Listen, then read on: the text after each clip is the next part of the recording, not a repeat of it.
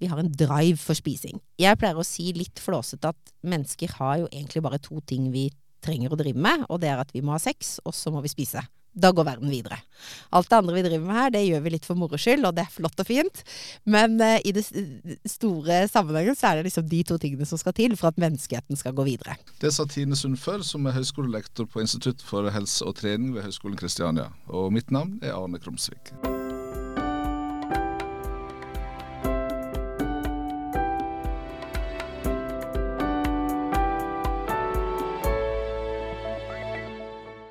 Dette med appetittregulering, det har alltid fascinert meg.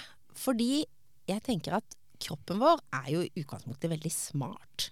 Vi får et kutt i fingeren, sånn som jeg har faktisk akkurat nå, og så kan vi liksom vente to uker, og så er det ordna. Kroppen reparerer det meste. Den skjønner mye. Og så har jeg alltid syntes at det er veldig rart at ikke egentlig kroppen er så smart lagd. At den bare tar til seg den delen av næringa som vi skulle ha behov for, og så kunne den bare sendt resten ut. Men det er klart at eh, hvis vi begynner å, å, se litt til evolusjonen, da, så skjønner vi jo veldig godt hvorfor det ikke er sånn. Fordi den store utfordringen for oss mennesker, det har jo inntil veldig, veldig nylig vært det å få nok mat. Og så er det plutselig de siste tiårene og det er jo liksom helt nytt, så er det det motsatte som er blitt problemet. Hvis vi tenker at mennesker har vært på jorda, jeg tror det er rundt 100 000 år, jeg. Dinosaurene var her 165 millioner. Da skjønner vi hvor lite vi betyr. Men i løpet av de årene så er det snakk om noen tiår hvor vi har hatt matoverflod, i hvert fall i deler av verden. Men før det så har jo det å orke å spise og faktisk egentlig orke å spise mer enn det man egentlig orket, akkurat når man hadde fått fatt i mat, det har vært helt Altså, det har vært det viktigste for å overleve. Så de av oss som lever i dag, vi vet at vi har en fenomenal evne til å overspise når det fins mat til stede. Og vi har en helt strålende evne til da å lagre dette veldig fint i fettvevet vårt, sånn at vi har til de dårlige tidene. Utfordringen er jo bare at de dårlige tidene, de for oss her, da, de kommer jo aldri hvis vi ikke eh, setter de i verk sjøl, da. Og det er klart at sånn sett så er det miljøet vi lever i, det er veldig utfordrende, tatt i betraktning at det som først inntil liksom særlig for noen tusen år siden, men også faktisk for noen hundre år siden, det som bidro til å holde oss i live, nettopp dette at appetitten var så sterk, det er nå i ferd med nesten å ta livet av oss. Fordi vi nå har mat rundt oss 24-7. Porsjonsstørrelsene er blitt enorme. Tilgangen er der hele tiden. Mat er blitt så kan godt noen si at ja, men det er billigere i Sverige, men mat er blitt ekstremt billig. Vi bruker bare rundt 10% i snitt da, av det vi tjener på mat, mens i 1960 brukte vi 40 så når det er billig, store porsjoner og tilgjengelig hele tiden, og vi egentlig fortsatt har gener som sier 'spis da vel', 'spis da vel', så er det ikke så rart at vi ender opp med en situasjon der Verdens helseorganisasjon nå har sagt at fedme og dets følgesykdommer er den største helseutfordringen i den vestlige verden, og man har kanskje også faktisk i deler av den ikke-vestlige verden. Og Likevel så er det sånn at noen av oss klarer å stoppe, og andre klarer ikke å stoppe. Nå spør jeg for en venn. ja, og her sånn så har vi jo, er det mange Det er veldig mange ting som påvirker det. Det ene er da biologien. Og vi har vært innom det at man har en sånn Altså at vi har en drive for spising. Jeg pleier å si litt flåsete at mennesker har jo egentlig bare to ting vi trenger å drive med, og det er at vi må ha sex, og så må vi spise. Da går verden videre. Alt det andre vi driver med her, det gjør vi litt for moro skyld, og det er flott og fint. Men uh, i det store sammenhengen så er det liksom de to tingene som skal til for at menneskeheten skal gå videre. Men så har vi da har vi, Først må jeg si litt mer om det, det med dette her appetittreguleringa. Vi har denne homostatiske likevekten som går litt på det at kroppen trives når den holder seg i en balanse. Det betyr at hvis vekta går litt opp, så skal vi få en sånn beskjed om at åh, nå har du fått litt mye. Men de signalene der er veldig svake. Det er de biologisk sett. Mens det hvis vekta går litt ned, de signalene er veldig sterke. Sånn at de som har klart å gå ned ti kilo og virkelig har jobba på, de får kjempesterke signaler om at Er ikke du sulten nå? Er ikke du sulten nå? Sånn at man kjenner på en økt appetitt. Og så har vi jo en annen også styringsmekanisme av dette her. Og det er mer det som sitter i hjernen vår, dette belønningssenteret. Som jo gjør at kroppen vår den fyrer av disse her endorfinene når den får særlig sukker og fett, men egentlig også mat generelt. Og da ser vi at de nervebanene som går til områder som gir velbehag, en god følelse, de blir stimulert. Kan man også se på en MR. Og det gjør jo at liksom den lysten til å spise er veldig sterk. Og så kan vi si igjen, hva er det som gjør at noen da klarer å stå imot, mens andre ikke klarer? Det ene er at selv om vi alle sammen har en sterk appetitt, så er det veldig forskjellig. Noen har en god appetittregulering, medfødt, fra naturens side. De var heldige, de trakk det kortet. Genetisk at mm, fortsatt så liksom føler de sterkt ubehag ved overspising, og når de er mett, så er de mett. Mens andre har veldig, veldig mye dårligere appetittregulering. Sånn at det å skulle klare å stoppe det er ofte noe som er viljestyrt. Man sier sånn Nei, nå er det nok. Nå må jeg stoppe. Mens for en annen som er slank, så er det kanskje bare sånn at man tenker sånn Ja, var mett, jeg.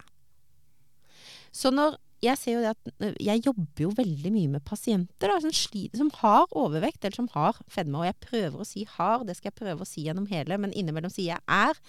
Men man er ikke hjerteinfarkt. Man har hjerteinfarkt, og man har også overvekt. Det er ikke noe man er. Men poenget var bare at mange av disse pasientene mine, de opplever jo at de hører, har andre venner som er slanke, og de sier 'jeg spiser hva jeg vil', jeg. Og når de ser på hva de egentlig vil spise, så tenker de 'dette var jo ingenting'. Og så er det klart at i tillegg til den appetitt Veldig irriterende noen sånne folk. Ja, ikke sant.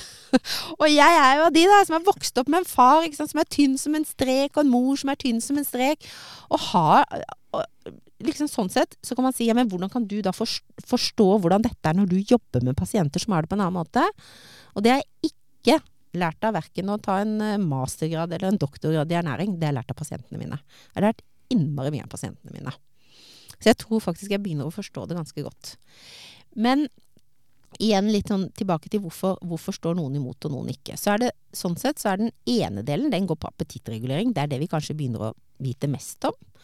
Så er det noen spesielle eh, gener som noen har, som liksom sånn eh, Som disponerer veldig for fedme, men de er veldig, veldig sjeldne. Eh, så er det slik at det kan hende at dette kan også ha noe med tarmbakterier å gjøre. Dette er mer sånn spennende å forske på, vi vet ikke så mye. Men så er det klart at også miljøfaktoren har veldig mye å si. Jeg er også da så heldig da at jeg tror jo nesten ikke har fått servert en middag uten grønnsaker, jeg. Altså, det har på en måte vært et naturlig følge alltid.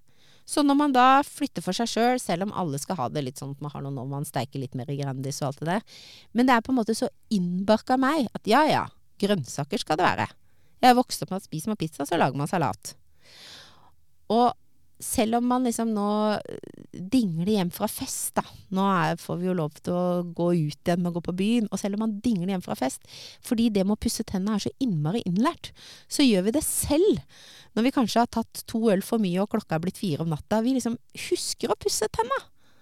Og det er litt sånn igjen at hvis en del av disse gode matvanene er veldig sånn bygd fra man var liten, så trenger man ikke jobbe så veldig mye for å innarbeide de. De bare er der. Og så har man jo selvfølgelig den andre delen, da, som går på denne forbruksdelen. Og det er jo en kjempeutfordring for oss. At uh, vi veldig, veldig mye har fått en arbeidshverdag hvor vi er ikke fordi vi har lyst engang til å sitte på rumpa, men vi er på en måte tvunget til det. Jo da, du kan ha sånn, og det er til og med noen eh, professorer her på huset som har sånn tredemølle som man står og går og sjakter på mens man står og jobber. Og det er mulig det, men det er fortsatt ikke som å ha tøft kroppsarbeid. Det var i en annen liga i forhold til hvor mye energi man brukte. Og mange kjenner også at for å klare å konsentrere meg, så må jeg nesten sitte stille igjen når jeg skal skrive på den PC-en. Så det er nok litt tilvenning òg, da, men der er vi jo forskjellige. Men vi har mer stillesittende arbeidsdag, sånn at det forbruket er blitt mindre. Så det står jo ikke i stil til det at tilbudet av mat er blitt så enormt. Så enten kan vi skylde på genet, eller så kan vi skylde på mor og far. Ja, og ellers så kan man si det motsatte. At hvis man skal bli slank, så bør du velge en mor og far med gode gener, og så bør du velge et miljø rundt deg som er veldig fornuftig. Og så bør du i tillegg velge at du har en har hatt få heftige opplevelser i livet som kanskje gjør at du kunne også ha en tendens til å behandle i gåsetegn deg sjøl, litt dine psykiske utfordringer med mat. Så hvis du bare velger deg alle de tre tingene der, da er det enkelt. Men jeg observerer at i, i mediene nå så er det en sånn diskusjon om vektreduksjon i det hele tatt er fornuftig å prøve på. da. Mm, mm. Og her sånn så er det jo litt ulikt hvem vi snakker til. Ikke, altså én ting er med, men jeg tror at ingen vil være u... Eller jeg ikke tror. Jeg vet at ingen mener at om man har overvekt, så burde man ikke prøve å tenke på at man skal være i regelmessig fysisk aktivitet, og prøve å velge ganske sunn mat. Og med det mener jeg altså følge kostholdsrådene. Spise mer frukt og grønnsaker og grove kornprodukter versus de andre, og lite sukker osv. Det er gunstig for alle. Men for noen så vil det da gi den For mange vil det gi en, en bonuseffekt, en bivirkning, som er at du går litt ned i vekt. Og det er jo positivt. Men det er klart at det, det derre veldige fokuset på bare at jeg skal gå ned så og så mange kilo, det ser vi ofte at blir et litt mer sånn kur, da. Man kaster seg over noe og prøver noe veldig intenst og hardt i en periode, og da har man lett for å gå opp igjen. Hvor viktig det er å gå ned i vekt, avhenger også av andre genetiske faktorer. For det første, hvis du bare har en lett overvekt, det vi kaller BMI mellom 25 og 30 på fagspråket, så ser man at da er det liksom viktigst om du holder den vekta, men spiser rimelig sunt, prøver å stresse litt ned, prøver å være i fysisk aktivitet, så kan du ofte leve godt med den. Hvis man har kommet over i den andre gruppa at det har lagt seg enda noen kilo, så ser man at det er gunstig å gå ned i vekt, men kanskje ikke i forhold til det målet veldig mange setter seg. Mange setter seg et mål om at da skal jeg bli det man kanskje anser for normalvektig, og det sier jeg nå i gåstegn, men det er det jo ingen som ser. Mens det som er tilstrekkelig, og kanskje også realistisk, er å gå ned et sted mellom 5 og 15% Allerede ved 5 vektreduksjon, selv om det veier 150 kg i utgangspunktet, så vil det å gå ned 7,5 kg, som er 5 gi deg en betydelig helsegevinst. Og det å gå ned opp mot 15% det ser vi at det er en god del som kan klare. Men hvis man da setter seg sånn tårete mål at jeg skal under 100 kg, så er det et fåtall som vil lykkes. Og hvis man ikke lykkes i forhold til det målet man har satt seg, så vil de fleste si sånn Selv om det kom til 120 Å, jeg kommer meg jo ikke til 100. Jeg gir opp. Og så kommer man tilbake til 150. Hvorfor er det sånn? Ja, det, og det skulle jeg jo ønske at jeg uh, kunne sagt helt nøyaktig. Det kan jeg ikke, men jeg kan si en del om det. Vi vet at det er denne homostasen igjen, da. Denne likevekta. Kroppen vil gjerne tilbake der den var. Så for det første så øker den appetittsignalene. Den maser. Spis da vel, så ikke det deilig ut? Det er godt. Det kunne vært fristende. Den kommer. Og så blir kroppen faktisk mer energiøkonomisk. Altså hvis man går en tur etter at man har gått ned til 120 kg, så bruker man litt færre kalorier på å gå den mila enn en som har veid 120 kg hele sitt liv. Blodig urettferdig. Enhver bilprodusents våte drøm Altså si at du nå hadde utviklet den nye bilen som eh, den brukte mindre Hvis du bare ga den, fylte den med mindre el eller med mindre drivstoff, så brukte den mindre per, per mil bare fordi den hadde mindre. Det hadde jo vært eh, Da har du jo løst mye i forhold til dette klimaet. Så, men sånn er vi mennesker. Og det er jo fordi kroppen vår tror på en måte nå, da. Da er den tilbake igjen den gang vi døde av sult. Og tenker at nå må jeg redde denne personen. Med redde Arne. Så jeg må hjelpe han sånn at han klarer seg med litt mindre energi. Også det vi kaller hvilemetabolismen, den mengden av kalorier man bruker når man sitter helt i ro, det går litt bitte grann ned hvis man har gått ned i vekt. Blant annet fordi at uh, temperaturen skrus ørlite grann ned. Trenger ikke flotte seg med 37 grader når alt funker fint på 36,8. Så da har kroppen den evnen at den rett og slett skrur forbrenninga litt ned, og egentlig jobber mot oss.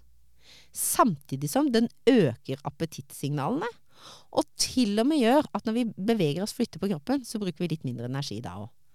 Så snakk om å bli motarbeida av sin egen kropp. Men vi må bare klamre oss i at det kroppen tror den gjør, er at den redder oss. Når du forsker på dette. her. Hvordan gjør du det i praksis? Ja, altså jeg har jo forska mest på sammenligning av ulike typer bl.a. dietter, for å se om det kan f.eks. påvirke forbrenningen vår ulikt. For eksempel så var den ene av mine doktorgradsstudier det var en sammenligning mellom 5-2-diett. Det vil si at man har to dager i uka man spiser veldig, veldig lite, og så spiser man normalt de andre dagene i uka. Det, det er én måte å gå ned i vekt på, som er en litt mer sånn ny diett. Og så sammenligner jeg det med mer det klassiske, at du reduserer kaloriinnholdet litt hver dag. Noe av det vi lurte på, var om en av hypotesene var at kanskje det at man hadde to dager i uka, men gikk veldig lavt ned, men så gikk man opp igjen til normalen imellom, om det kanskje bidro til at ikke forbrenningen ble senket like mye. Det kunne man jo liksom tenke seg at fordi du liksom trigger kroppen litt flere dager. Så da målte jeg hvilemetabolismen, som det heter, hvor mye energi man bruker når man ligger helt stille, ved hjelp av noe som heter indirekte kalometri. Da legger du folk ned i en sånn, for sånn stor sånn kolbe på hodet, og så måler vi mengden oksygen de puster inn, og CO2 de puster ut. Og så kan vi måle akkurat hva er forbrenningen. Jeg gjorde det først ved baseline, før de starta. Så gjorde jeg det etter tre måneder. Endringer Begge grupper gikk ned i forbrenning, og det var ingen forskjell mellom gruppene. Men, og så gjorde jeg også flere ting i den studien. Altså hvordan, hvordan virket dette på vekta totalt? Og da fulgte jeg de et helt år. Og hva så vi da? Jo, de gikk ned akkurat like mye i vekt. I snitt. I snitt gikk de ned ca. 10% Men det var jo ganske store individuelle forskjeller i gruppene. Fordi at jeg så at jeg hadde jo til og med en person som faktisk Det skjedde noe veldig spesielt i hans liv, så han gikk opp 22 kilo. Så hadde jeg en annen som gikk ned f.eks. 36. Men poenget er at det, hvorvidt du går, gikk mye og lite ned innenfor dietten, det handlet mer om compliance. Altså klarte du å etterleve disse rådene over tid, eller klarte du det ikke? Og da så jeg også veldig sånn tydelig det at det, ok, noen klarer å følge én type diett bedre, mens andre klarer å følge eller diett eller kosthold bedre. Eh, uansett så ser vi det, det dette på en måte viste meg, er uansett at foreløpig har vi ikke klart å finne noe som en diett som på en måte gjør at du ikke får det der at forbrenningen skrur seg ned. Men begge gruppene lykkes veldig godt her, og jeg tror det er én eneste grunn til det, uten at jeg skal liksom sette meg selv så i høysetet, men jeg tror det var oppfølging. Man trenger støtte og hjelp i prosessen, for dette er så krevende. Så det f.eks. at de da kom til meg, og også til sykepleiere, var innom lege osv. på Ullevål sykehus tolv ganger i løpet av et år, det har kanskje mer å si enn om det var den ene eller den andre dietten. For da får du en mer da, Selvfølgelig, indre motivasjon er kjempeviktig, men det å samtidig ha noen som har en kombinasjon av å hva skal man si, jeg holder en litt kjærlig i øra. Holde den litt i øra, men også støtte den og, og anerkjenne at dette er krevende, da. Det kan gjøre det lettere. Så det blir nesten som disse klassiske arbeidslivsstudiene der folk ble mer effektive når noen sto og så på. Ikke sant? Og, og også litt sånn hvis du sier arbeidslivsstudier, så er det jo gjort mange studier som viser dette med f.eks. selvoppfyllende profeti. At ledere som har evnen til å gi positiv feedback og, og vise at de har forventninger til sine medarbeidere, de opplever å få høyere produktivitet og få bedre resultater i arbeidslivet. Mens de som kanskje prøver seg med pisk istedenfor, det viser seg å være lite effektivt.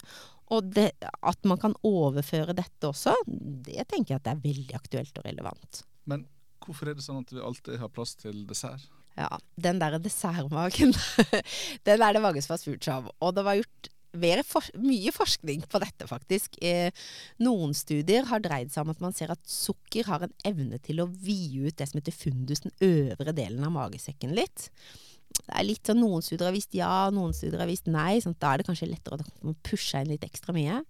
Men dette handler nok veldig mye om sukker sin effekt igjen på disse stimuliene av belønningssentrene i hjernen.